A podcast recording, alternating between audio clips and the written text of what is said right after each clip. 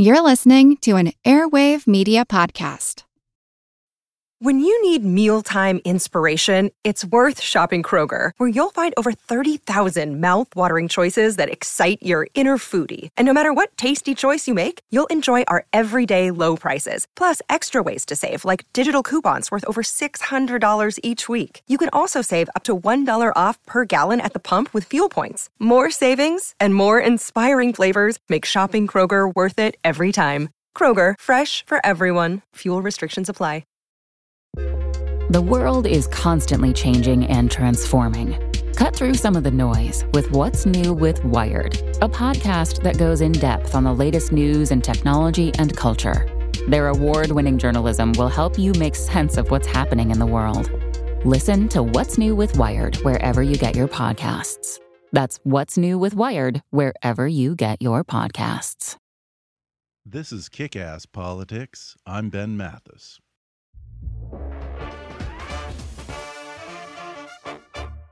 Kick Ass Politics is sponsored by Fiverr. You've heard me rave about Fiverr before. That's Fiverr with two R's. Fiverr is the world's largest online marketplace for services with over 100 categories all offered at a fixed base price of just 5 bucks. Logo design, business consulting, marketing, business cards and stationery, web design, translation, proofreading, legal consulting, and just about any other service you can imagine all offered at a fixed base price of just five bucks. And right now, if you go to kickasspolitics.com and click on the Fiverr ad on our sponsor page, you'll be showing your support for the show and you'll get some great offers on services tailored to your needs. Whatever you need done, find it on Fiverr. And before we start the show, I want to ask for you, the listeners' help with a special project. Over the next few weeks, we're going to be doing a listener survey to get a better idea of who our audience is. No matter how long you've been a listener or how frequently you listen to the show, we'd like to get to know you better and what you want. So I hope you'll visit our website at kickasspolitics.com and click on the listener survey link on the homepage, or there's a survey link in the show notes to this episode. It's just a few quick questions to help us understand who's listening and seriously, it'll be a huge, huge help to me personally. The other thing you can do to help the show is to go on your Facebook page and Twitter to tell your friends to subscribe to Kickass Politics on iTunes. And if you do that, each week you'll be entered to win a signed copy of a book by one of my recent guests. This week I'm giving away a copy of Jack Kemp, the bleeding heart conservative who changed America, signed by my guests on the next episode, Fred Barnes and Mort Kondracke from Fox News' The Beltway Boys. To be entered to win, just go on Twitter or Facebook and recommend Kick Ass Politics to your friends. Be sure to include a link to the show on iTunes so they can subscribe. And don't forget to tag us in your posts so we know you participated and we can include you in the drawing. And hey, if you want to double your chances of winning, then promote the show on both Facebook and Twitter. In fact, you'll be entered to win for every time that you recommend Kick Ass Politics to your friends on your social media. Just help me gain some new listeners, and you'll have a shot at winning a cool prize every week. And now, enjoy the show. Hi, I'm Ben Mathis, and welcome to Kick Ass Politics. My guest today is former Congresswoman Michele Bachmann. From 2007 until just this year, she represented Minnesota's 7th District in Congress, and in 2012, Michele Bachmann ran for the Republican nomination for president. Before that, she served for six years in the Minnesota State Senate and worked as a tax lawyer for the IRS, where she learned firsthand just how dysfunctional the U.S. tax code really is. In Congress, she served on the House Financial Services Committee, and the Permanent Select Committee on Intelligence, which oversees the CIA, the NSA, and other intelligence agencies. A champion of individual liberty and small government, Michele Bachmann was a vocal critic of the Wall Street bailouts, the Detroit auto bailouts, and Obamacare, and she introduced legislation to repeal the Dodd Frank financial reform law. She's been a strong supporter of the Tea Party movement from its earliest days and she founded the House Tea Party Caucus when she was in Congress. On this podcast, Michele Bachmann will talk about the Tea Party's role in the Republican Party today and her thoughts on the GOP field in 2016. She'll also share her ideas as a former tax attorney on how to simplify the tax code and talk about her grave concerns about Russia, Iran, and Syria, and America's shrinking role in the world under President Obama. Plus, she'll reveal how one of her foster children's 11th grade homework assignment led to her career in politics. Coming up with Michele Bachmann in just a moment.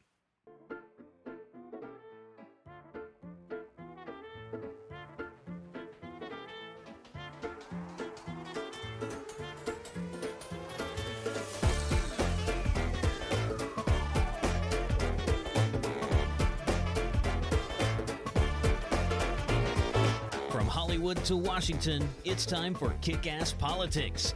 And now here's your host, Ben Mathis.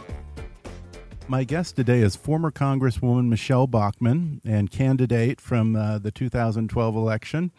Michele. For president. For president. For president, yeah. Michele, thanks for coming on the podcast. Thank you. It's great to be with you, Ben. So, you started out as a tax attorney. I did. Uh, before you went into politics. Mm-hmm. There are a lot of tax plans being thrown around by the candidates in the Republican primary this year. As someone who's dealt with the nightmarish bureaucracy of the IRS and this gargantuan tax code, what do you think is the solution? Well, the solution is to take the fraud out of the tax system. There's an enormous fraud because of all of the returns that get filed um, Medicare fraud, Medicaid fraud, now Obamacare, and a lot of the fraud happens through the tax system. What we need to do is make it fair for everyone. We have a magnificent country. Everyone should pay something I really like the idea of either a national sales tax. Well, number the first thing you have to do is get rid of the entire uh, tax code. So you scrap it. Every part yeah. of the tax code you scrap. So you're starting from scratch, blank sheet of paper. If you have a blank sheet of paper, I would have a, a national sales tax and uh, whatever you purchase, there's a sales tax, and that's it. We aren't taxing your labor we aren't uh, uh, taxing your investments. We're just uh, taxing our consumption. If people don't want to go down that road, um, the other thing we could do is a flat tax, so everybody pays the right. same amount. Let's say it is 15% of our income. Every single person pays 15% of your income. It doesn't matter if you make 10,000 a year or if you make 100 million a year. You still pay the same percentage. Obviously, the person making 100 million pays an awful lot more than the guy who's making 10,000. That's a hmm. fair system. Everybody pays. The, what's wrong with our system today is that about half of the people in the United States pay zero, pay really virtually nothing when it comes to the, the income tax system. And so that's why I think everyone has to pay something. You either, if we're going to pay income tax, everybody has to pay the same rate um, and a lower rate, or go with a national yeah, consumption but, tax. But the flat tax wouldn't take care of the fraud that you mentioned, would it? Oh, really sure only would. A, you, a, would you, it? You you wouldn't be the the biggest part of fraud in the tax code today is the earned income tax credit. Oh, okay. That okay. is a huge area of fraud, but it's other mm-hmm. areas too. People people take deductions and all the rest, yeah. and they get their check in the mail, and then you find out forty seven thousand checks went to the same address, and it's a scam yeah. that's being run uh, by okay. people. And Medicare, okay. Medicaid, these are huge scams, and now yeah. Obamacare will be more of the same. Yeah, because the, the consumption tax argument is that it, you know all of the all of the hidden commerce that goes on out there, whether it's a drug dealer or it's just you know a bellhop who doesn't report his in his cash tips and so forth. That's stuff that never makes it into the system. Uh, and in theory, a consumption tax would take care of well, that. Well, and the but. theory of taxation law is that if people pays anything less than 20% in tax, generally people be pretty honest. They'll pay it because mm-hmm. they don't want the hassle of the black market. They don't want the fear of going to jail. They don't want right. that to happen.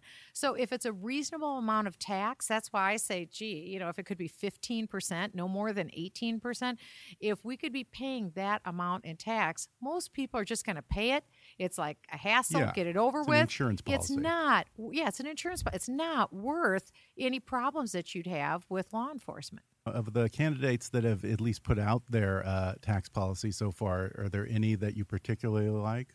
Well, I think what we the one that got all the attention was Donald Trump Of course, And but everything he does gets attention. well, that's That right. but you know, his, his plan, tax though. plan isn't terrible. What I Yeah. what I don't like is that he doesn't have everyone participating. What I do like is the fact that he gets rid of the death tax, which is immoral, um, and he also lowers the rates. What a lot of people don't realize is that the reason why so many jobs have left the United States and gone offshore is because we have the highest business tax, corporate tax in the world. Yeah. We're 35% with add ons on top of that. The next country in the world is 25%. So if you are a shoe manufacturer, are you going to manufacture shoes in the United States and pay 35% tax? Or are you going to go somewhere else where it's 25% or 15%?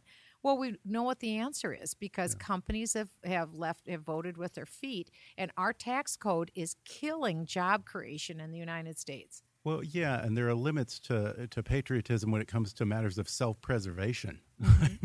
well, yeah, exactly. Well, that you, it, you see that between the states. You see people who have uh, made a decent income, uh, like for instance, in the state of New Jersey, they put this millionaire tax in, and so all these people freakishly moved out of New Jersey and went down to zero income tax Florida. So, as a boon to Florida, not so much for New Jersey. Yeah. Well, you know, like I said, you started out as a tax attorney and then you jumped into politics. What was it that got you into running for office or got you politically engaged? You know, I was not a political person, but I am a mom, and I have five biological kids and then 23 foster kids that we Wow. raised. So we raised a total of 28 kids. And I saw this nonsense come home in the backpack for one of my foster children, who was an 11th grade girl from math class, and she had to color a poster.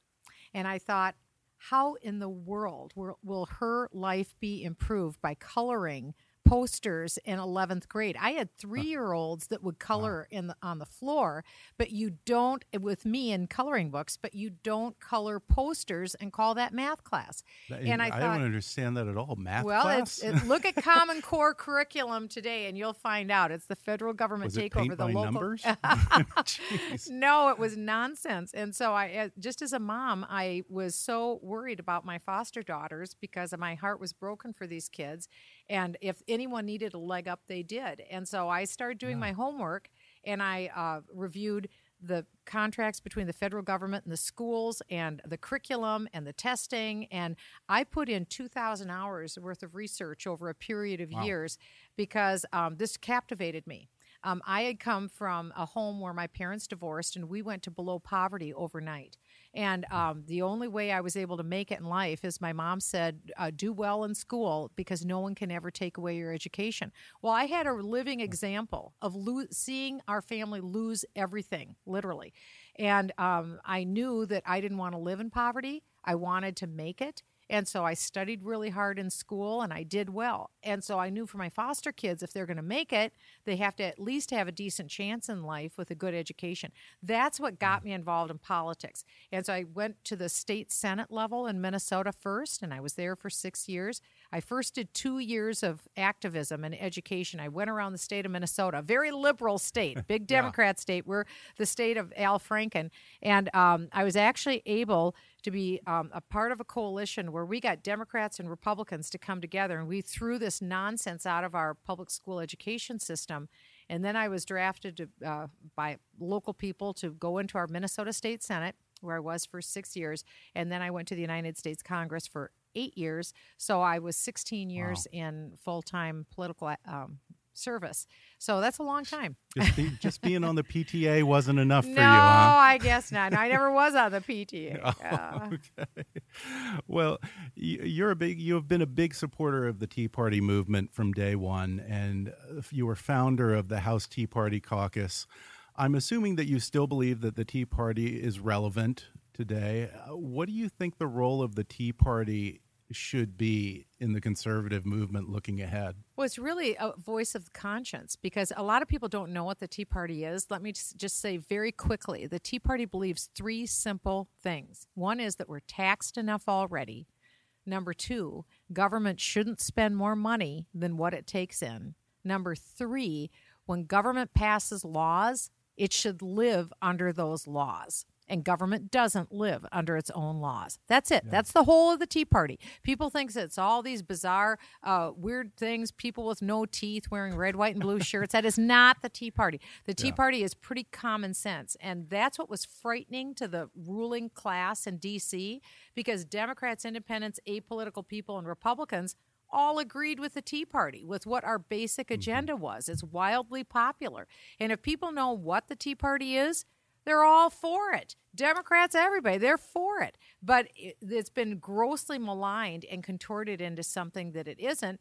But it's been a, a, a, a conscience. And I think even now, when you look at this shakeup in the new race for Speaker of the House, and when you look at um, the fact that Hillary Clinton, for instance, just went down 10 points in the poll this last week in her bid for the presidency, um, she's no longer the sure thing candidate. I talked to yeah. Democrats today who told me they don't think she'll be the nominee. She can't survive.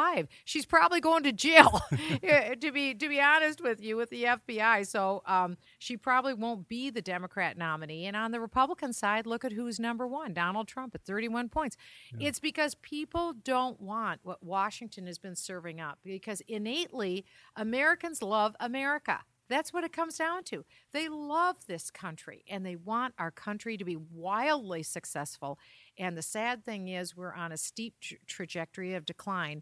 And Donald Trump says, I want to make America great again. And it isn't just a nifty slogan, it's the fact that people believe that he believes it and that he's going to do something about it. And so, whoever our ultimate nominee will be, whether it's Ted Cruz or whoever that person will be, it will be someone that the American people believe believes in making America great again and is going to do something about it. Yeah, well, you know, I want to go back to what you said a second ago about the Tea Party. You said it was about three things, and what you named were all small government economic things. And I had this conversation with someone earlier today about this, and we were talking about how this the Tea Party started out almost kind of as a libertarian type of thing. Uh, you know, low taxes, That's keep because the government it wasn't partisan. Out. It wasn't yeah. Republican. That's why. Yeah, and he was saying to me, you know, that now, like you were just saying, the Tea Party has become about, in many people's eyes, about so much else, uh, whether it's social conservative stuff or some of these other things. Um, is there a place for the social conservative agenda within the Tea Party, or is should that be a whole separate thing? Well, the Tea Party is not an organized movement, obviously. It right. just isn't. You've got some organizations that are Tea Party, but mm-hmm. it, this is an idea, this is a philosophy. And so there's a lot of people who are Tea Partiers who are social conservatives. I'm one. I mean, right. I, I believe in marriage between a man and woman. I believe in protecting life from conception to natural death. That's what I believe. But it is a philosophy and it's a movement and people hold their views on various issues. I think national security and foreign policy is also becoming a bigger and bigger yeah, issue because, for days. instance, you know, the United States essentially had our rear end handed to us on September 30th when Russia literally evicted the United States from Syria. A three star Russian general walked into the U.S. Embassy in the morning of September 30th and said, you need to leave an official communique you need to leave syria. And they built up a bubble of excessive denial so we couldn't even get our planes in if we wanted to. We were booted out. For the first time in yeah. 40 years russia came in and we were booted out. So this whole issue of foreign policy and american weakness and decline this is a huge issue now. And a lot of people in yeah. the Tea Party movement are also saying, you know what, I think I like it when the United States is also the military superpower of the world. And I don't like it when we're getting our rear ends handed to us because innocent people get killed. Yeah, and you know, after after the Bush administration, after Iraq and Afghanistan, there was a bit, you know, and you saw this with Rand Paul and others. There was a bit of a trend of conservatives moving away from, I guess you would call it the neocon yeah, but not so when you forth. see and, not when you see U.S. journalists um, have their yeah. throats slit on live yeah. TV, and when you see innocent Christian women getting raped and then beheaded, and then their husbands raped and beheaded, their children taken away as slaves, literally. Uh, this is a very different world. Yeah. And so what we're seeing is the enforcement of fundamentalist um, uh, Sharia Islam. And this is real. And unfortunately, our president sent a signal, a green light to those who are advancing the goals of Islamic um, jihad, whether it's Sunni or Shia. And what they read from our president is that he's not going to stop them. I'm not saying Barack Obama is advancing them, but I'm saying that they read the tea leaves that he's not going to stop them. That's what Vladimir Putin, the president of communist Russia, saw that Barack Obama is not going to stop me in Syria. And the Iranian Ayatollah said, Are you kidding me? The American president wants what I want, which is a nuclear Iran. Yeah. Even President Obama earlier this year admitted Iran will have nuclear weapons within about 13 years. Well, then why, genius, would you give them a trillion dollars in the next decade so they can have nuclear weapons, which they have said they will use to annihilate the United States, they will use to annihilate Israel, Five days after the Iranian deal was signed, the Ayatollah said, We have not deviated from our posture toward the United States. It is the same. It is to annihilate the United States. Five days after the agreement, wouldn't you think a sane president at that point would say, You know what? Deal's up. Those sanctions stay on. And you are not only that, if I was president of the United States, I would be working with my partners both in the Arab world and our allies in the Western world, and we would start the process over six to eight weeks, and I would take out the weapons and machinery of death these nuclear facilities that Iran has all over the country, they'd be gone, every single one of them we are so precise that quite literally we could take a bomb and knock out that microphone that you're talking into. That's how good and capable the United States is. So we're not talking about dropping a yeah. bomb on a shopping center or little kids right. or a senior yeah, citizen home. Bombing. We can take out the instruments of death, mm-hmm. and that's happened three times before successfully once in Syria, once in Iraq, and once in Libya. Had that not occurred in the last 30 years, the Islamic State and Al Qaeda, which are running wild today in Libya, Iraq, and Syria, they would have access potentially to nuclear weapons. That's what their goal is. That's their goal. So thank God it was done before why would we be the ones to put money and the means to access and acquire nuclear weapons in the hands of the Ayatollah? That's scary that the American president was advocating for the same position as the Ayatollah of Iran, the chief sponsor of terror yeah. in the world. The one who says death to America. every day of the week. Yeah. Death to Israel. Every day of the week. Yeah, that's our ally now. That's right. Um, and if there's anything history has taught us in the last 100 years, it's this that when a madman speaks, listen. Yeah. Look at Mao Zedong. Look at Stalin. Mm-hmm. Look at Hitler. These people have literally killed the three of them over a hundred million people yeah. in the last century. The Ayatollah plans more of the same. Yeah. Well, we're going to take a quick break, and then I'll be back to talk more with Michele Bachmann.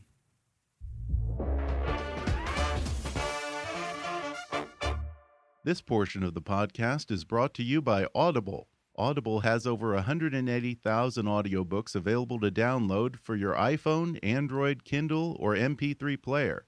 And right now, Kickass Politics listeners can get a free audiobook download and a free 30-day trial just go to audibletrial.com backslash kickasspolitics or click on the sponsor link on our webpage at kickasspolitics.com and go get your free audiobook. And if you like Kickass Politics and want to help keep us on the air, then please support the show by making a donation to our GoFundMe campaign at gofundme.com backslash kickasspolitics. Or go to the show website and click on the donate link. Your support will help keep us producing new and interesting programs in the future. That's gofundme.com backslash kickasspolitics. And now, back to the show. We're back, and I'm talking with former candidate for president in 2012 and former Congresswoman Michele Bachmann. A lot of people were criticizing Congress for not doing more to try and block the Iran deal. What did you think about that? If you had, if you were still in Congress, worst, do you think there's something one of the worst tragedies there ever was? Absolutely. The biggest mistake is that Congress surrendered the treaty clause of the Constitution. Right. It's called the Corker Bill. And it was this is this is what the Corker Bill said for your audience. Um, it said, you know, President Obama, we want to read this Iran agreement. So in order to read it, We're going to give up what the Constitution gives us. Um, we have the uh, we have the benefit of the doubt. You, Mr. President, have to get two thirds of us to agree with you on your treaty. We're going to disadvantage ourselves. We're going to make ourselves have to get two thirds of the vote rather than one third of the vote. So, in other words, you're you're going to guarantee win. You're going to win, but at least let us read the agreement. Guess what happened? The president never even let them read the agreement. He held out the most important part, which was the inspections on these nuclear facilities. Congress still hasn't read the agreement. John Kerry, the Secretary of State, hmm. hasn't read the agreement because they didn't want anybody to. And so the, here's Yeah, what's just brilliant. like the Health Care Act. That's right. Here's what's brilliant under the Corker Act it says if the president fails to give the written agreement to Congress, then guess what? Shazam. All of the sanctions stay in place on Iran. This is what's wrong with John Boehner and Mitch McConnell. They, this agreement was signed about five months ago, the Corker bill, mm-hmm. and our Republican leadership didn't even have the guts to stand up and enforce the bill they just passed. To stand up and say, Mr. President, you didn't give us this agreement. Guess what? Now it's a treaty. Now you have to get two thirds vote. Bingo, we're keeping the sanctions. That's what a sane Congress would have done. And that's why John Boehner is gone. And that's why Mitch McConnell is probably going to be counting the days because people are saying, enough, enough. You don't let a nutcase like the Ayatollah of Iran have a nuclear weapon, and you Republicans are so fight averse, you won't take the president on on something this important. And Barack Obama, uh, we don't want this Iran deal, and the American people are turning against him too. So that's why Washington is so out of favor today. Yeah, I mean, was was the whole Corker bill was that just all for show then? The Corker deal, I believe, was the White House outsmarting the Republicans. Um, I think they went to Bob Corker and said, "Hey, we got this genius idea. Uh, we know that you guys don't want to uh, fight. Let's all get along." Because um, President Obama threatened Mitch McConnell and John Boehner. Yeah. Barack Obama said, "I am getting this Iran deal."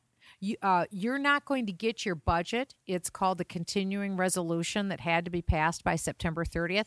You're not going to get me to sign any continued funding of the government without you paying for that Iran deal. I'm getting it. And he said, I'm going to shut the government down. This is what he told him I'm going to shut the government down before I'm going to let you not pass that Iran agreement. So Boehner said, okay, he capitulated. Uh, Mitch McConnell said, okay, capitulated. Because they were worried about their own uh, political hide. They wanted to make sure that they kept, quote, Republican ownership of the House and Senate. And uh, what I have said is that that's their surest way to guarantee they'll lose Republican control of the House and Senate. But the sad thing is, President Obama got his way, and his way could potentially kill millions of innocent people across the world. And I hope the next president, whoever that person may be, on the very first day, will take out the nuclear hardware, which is going to be insanely hard to do. Yeah, I was just going to ask you that because everyone is saying we'll rip up the agreement on day one. Is it going to be hard to walk this back It- 2 I'll- I'll years you- down the let line me after this is let already me tell you in place and the money's been given away? Let me tell you, practically speaking, why this is going to be hard. Uh, the Russians sold to the Iranians uh, the S 300s. If you remember a little over a year ago, the Russians shot out of the sky a Malaysian aircraft over eastern Right. Ukraine. It was leaving Amsterdam. Almost 300 innocent people were shot down out of the sky Yeah.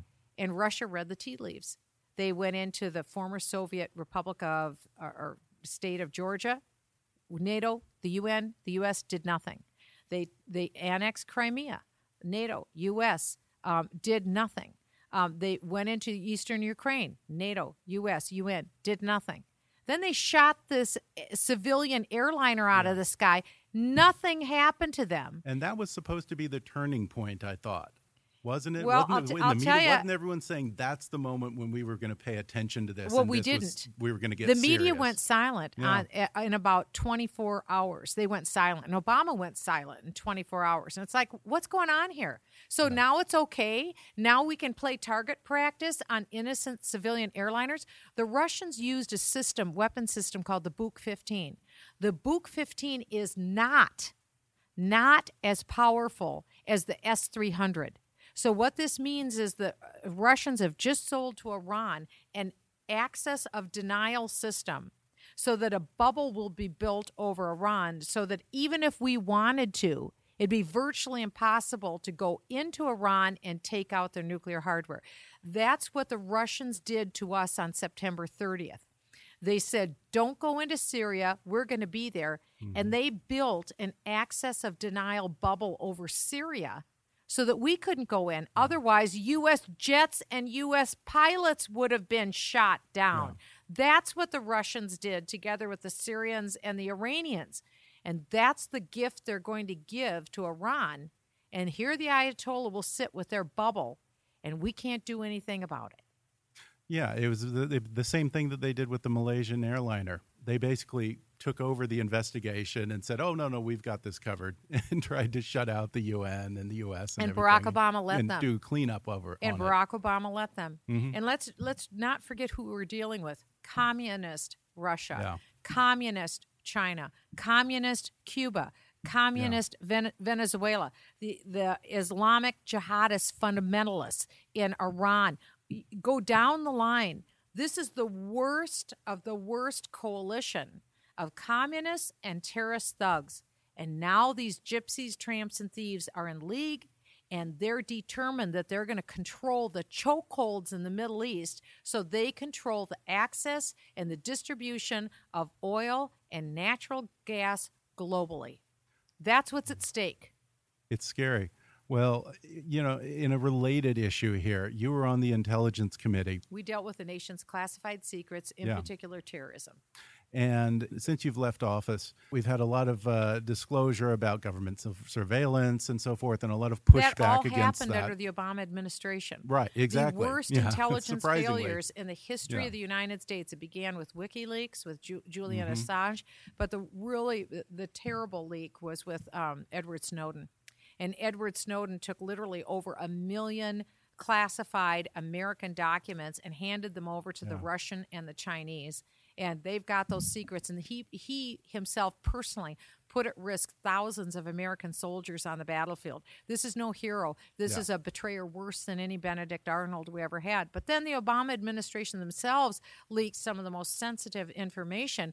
They leaked the fact that um, they said that uh, Israel was planning to bomb some of the nuclear facilities in Iran. Then they said that Iran was cooking up a deal where they could have refueling of their jets in Azerbaijan uh, together with Saudi Arabia. They were leaking one sensitive detail after another that cut the Yeah. legs out from under Israel and hurt us with our allies. and lifted up the goals of Islamic Jihad. When have we ever had a president that's made decisions that advance the goals of Islamic Jihad and slam the door on the only sane democracy in the Middle East, Israel? We've never seen that before. So, this is the very first time that the United States has shut the door on Israel. Israel's completely alone. No country in the world today has Israel's back. None. And so don't think that that information is lost on Russia, on China, on Iran, on Hezbollah, on Hamas. Every ugly actor in the world is looking at the Jewish state and they want to carve it up because Israel has made a find of natural gas um, in the Mediterranean, Eastern Mediterranean Sea and also oil in the Golan right. Heights. And so now they've got Yeah. what Putin and Iran is after. Yeah, they're seeing dollar signs. Well, you know, again, if you were on the House Intelligence Committee today, when it comes to the surveillance issues and you know uh, listening in on American citizens and so forth, between the small government tea partier in you and the hawk in you, where do you think that you would fall on a lot of these issues? Well, where I fall is following U.S. law, which is pretty good. Yeah. Um, U.S. law prohibits the NSA, for instance, from listening in on American conversations, domestic conversations. I was in the Intelligence Committee during that controversy, and the fact is, there is not an example of where the United States abused its authority on the metadata system. There isn't one Okay. that exists. In fact, just the opposite. That was the most audited program of any federal agency. You want to look at waste, fraud, and abuse? It's rife. All uh, just look at the VA, look at the IRS. I mean, look at the EPA. It's there everywhere. The one place where they were audited and they did what they were supposed to do was in the metadata program.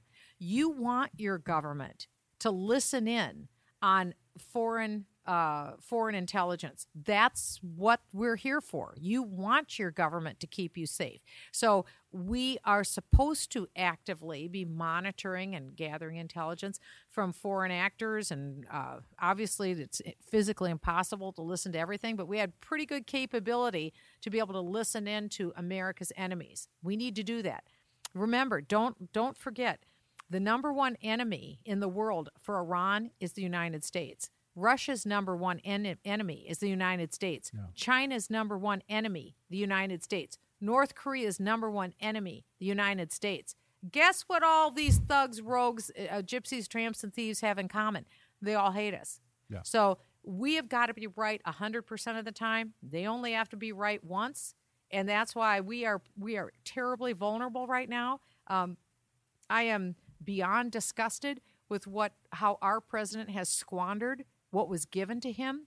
He was given the most magnificent nation that was ever created in the history of man. Uh, we were the number one economic powerhouse when he became president. We are slipping to number two behind the Chinese. We were the number one military power in, in the world when he became president. We are slipping faster than anyone realizes. Very shortly, China will have a bigger navy than the United States has. This is unbelievable. Well, you know, I got to tell you, Michele, you sound like a candidate. I am here enjoying myself in beautiful Los That's Angeles. a lot I like wa- candidate I for president was, talk. I was a candidate for president in 2012. I, I wish, um, I don't, honestly, I, had- I had no personal ambition. My ambition was for the country. And I wish I could have been president in 2012 because I guarantee you the very first thing I would have done on the first day is put my coalition together and we would have we would have eliminated the menace of a nuclear Iran. That would have been gone and we would have sent the signal. There would have been no Islamic State. Uh, we would have take we would have routed the Islamic State, um, and it would have been a very different posture toward Vladimir Putin, and also the cyber espionage with China. We haven't talked about that, but your listeners need to know China is the worst China espionage hacker in the world. They have literally stolen trillions trillions in private money from the United States by stealing our private secrets and also our military secrets. We spend huge amounts of num- money on R&D for so we have the best of the best on military. Well, it's practically manufactured in China before we can get it. They've stolen it just in real time as things are being uh, are, are being produced. China is not for America. China is for China. They are mm. li- they they fly under the radar, but they're living a long war. They're they're about forty years They're- into their hundred year plan. ahead of us Oh, they're, they they are determined that they will be the hegemon in the world. So here's what's happening right now. You've got China, Russia, Iran all vying to be the lead dog in the world for world domination. And I think what happened on September 30th, uh, we had this thing called Pax Britannica, where Britain ruled the world and maintained Right. world power. Somewhere along the mid 1943, wordlessly, quietly, without any formal written declaration, power left Britain. They were no longer the economic power of the world. They were no longer the military power of the world. So, by default, the United States became the world's leader, and the era known as Pax Americana began. It is my worry that Pax Americana ended September 30th, 2015, when the United States dropped the baton of world power. And instead, what you're seeing is scrapping. Like if, you see cartoons of wolves where they have their mm-hmm. tongues hanging out and saliva running and their eyes are real big, Yeah. like a cartoon bubble, they're all scrambling over that baton. Yeah. China wants it. Russia Yeah. wants it. Iran wants it. They intend to be the leaders of the world. Right now, they're cooperating with each other to annihilate the United States. Their goal is to is to have us be gone, but then they intend to dominate. It's not a Yeah. pretty world. It's Yeah. it was a very painless, easy transition from Pax Britannica to Pax Americana. This next one won't be Pax, meaning peace. Yeah. This will be chaos, devastation, Yeah. and war. We- and that's why this is such a crucial election. Well, yeah, and we've sent a signal that the world is basically theirs for the taking. So Barack Obama sent that Yeah. signal. Yeah. And and that's how Putin read the tea leaves. And here's here's Barack Obama. What's his Yeah. response? What's John Kerry's response? Well, as long as they uh, take out the Islamic State, I guess it's okay. And so these guys, I don't even know if the president and John Kerry fully realized two days after the event what had happened to the United States. The tables have turned. We've been evicted from the Middle East, and Russia and Iran and China and Hezbollah and Hamas are in charge. It's a new day, and it doesn't bode well. Yeah. Well, before we go, you were, as we said, you were a candidate in 2012 for president. You were the only woman in the in the whole GOP field. Based on that experience, would you have any wisdom for Carly Fiorina? Oh, sure. I, she is a fabulous debater on the stage, Oh, and. I think she's doing everything right. I think I think I think she's doing a very good job conducting her campaign. I think uh, where where some people have very uh, legitimate concerns um, is the fact that she wasn't there for a lot of the conservative fights along the way. Um, she was very much a part of the establishment um, for a lot of her life. And I think that's not what people want right now. They Yeah. don't want the traditional establishment. She was a spokesman for John McCain when John McCain, when he was in the primary. Um, she was a spokesman for John McCain. And what people are looking for is um, an authentic, principled conservative who's been there, who's willing to fight. Because the way that the place that we're at right now in world history, we need somebody who's going to be as transformational and bold as Barack Obama was. He literally did transform the United States. He went further, he transformed the world. And we need to have a conservative at the helm as President of the United States who is bold, who will transform the United States and the world and try and pull us back to make America great. And I'm not saying here I'm, you know, endorsing any particular candidate, but what I do see is um, in a Ted Cruz, he totally gets it right on Iran. He totally gets it. He would do the right thing. And I see in Donald Trump also somebody who I think uh, wants to do the right thing, uh, but he doesn't have that experience on these issues. He doesn't have True. that background on these issues, but I think he does. But we've got a Ben Carson, who I think Mm-hmm. is right on all the issues. We've got a lot of great candidates. field. Seriously, any single one of them are competent and capable to be president. Okay. And I'm not just saying that; they really are. They could do it. Rick Santorum would do a Is there anyone job. you don't like? Uh, well, I don't want anybody who's going to be for amnesty. And unfortunately, uh, we have way too many that are in favor of amnesty for illegal aliens, and even worse, uh, committed to maintaining the open border policy that is just killing the American people. One out of four Mexicans now live in the United States. And all that has done is bring down the wages and benefit packages for Americans. It's killing the millennials, that the rising generation that's coming up. So we have got to um, we've got to build a fence on north south, build a fence, and actually secure our borders. Don't let people overstay visas. And I believe that we need to hit the pause button and have no immigration for a while. Calvin Coolidge did that in the 1920s. That's Uh, true. We had too much immigration in the United States. We needed the nation needed to take a pause. What happened? Wages went up, benefits went up. Um, and people had a chance to assimilate into American culture. That's what we need to do now. Hit the pause button for heaven's sake and uh, kind of regroup, bring America up. We need to be stronger, and then we can open our doors back up and only select the people that are going to benefit America. We need to stop importing a welfare class. That's all we're doing. We prefer a welfare class. We even pay people to come into the United States who can't afford to come. That wasn't the history of my ancestors, probably not the history of your ancestors. We didn't have insane policies like that. But what we need to do is take a pause, have people get assimilated, strengthen the country, build up wages and benefits, and think more about what's better for America and Americans. And because we we uh, we can't solve all the world's problems, we're having a tough time solving our own. Well, Congresswoman Michele Bachmann, thank you so much for coming on the podcast. It's an absolute delight, and uh, I hope one of these days you you do decide to jump back in there. Um, is there anything that you want to plug that you're working on these days? I am not plugging anything. I really Enjoying what life. I'm what I'm plugging is the country.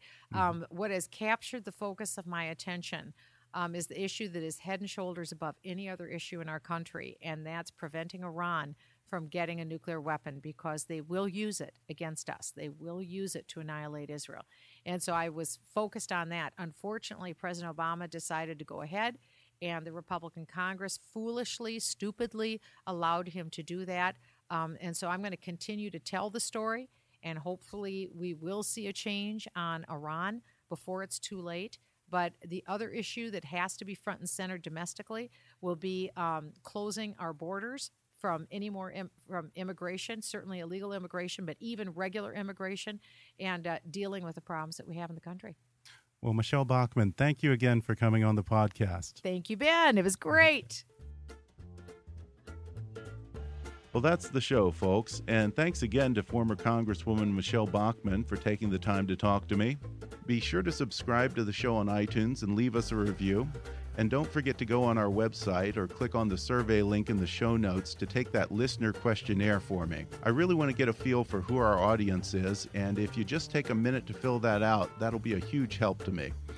The other thing you can do to help the show is to go on your Facebook page or Twitter to recommend Kick Ass Politics to your friends and suggest that they subscribe. And if you do that, each week you'll be entered to win a signed copy of a book by one of my guests on the show.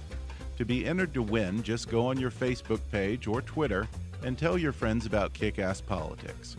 Now be sure to include an iTunes link where they can go to the show. And as I said before, if you promote the show on both Facebook and Twitter, you'll double your chances of winning an autographed copy of my book of the week.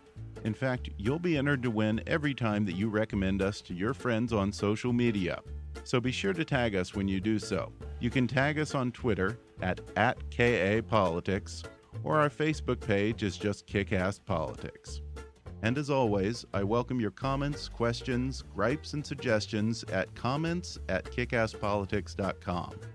In the next episode, my guests will be Fred Barnes and Mort Kondracke. Fred Barnes is the co founder and executive editor of the Weekly Standard, and Mort Kondracke served as the executive editor of Roll Call and former Washington bureau chief for Newsweek. But you probably know them best as the co hosts of The Beltway Boys on Fox News. Well, they've teamed up again to write the first ever biography exploring the legacy of the late NFL quarterback, congressman, and self proclaimed bleeding heart conservative, Jack Kemp. According to them, Jack Kemp may well have been the most important American politician who never made it to the White House. And in their words, he's a model of how politics ought to be. We'll talk about how Jack Kemp's pro football career influenced his leadership style and how he became the backbone behind President Ronald Reagan's economic policy. We'll also discuss his crusade to help America's underprivileged and bring African Americans back to the party of Abraham Lincoln. Plus, Fred Barnes and Mort Kondracke will talk about 2016, the GOP primary, and the need for more Republicans like Jack Kemp in today's acrimonious political climate. All that coming up with the Beltway Boys in the next episode. But till then, I'm Ben Mathis, and thanks for listening to Kick Ass Politics.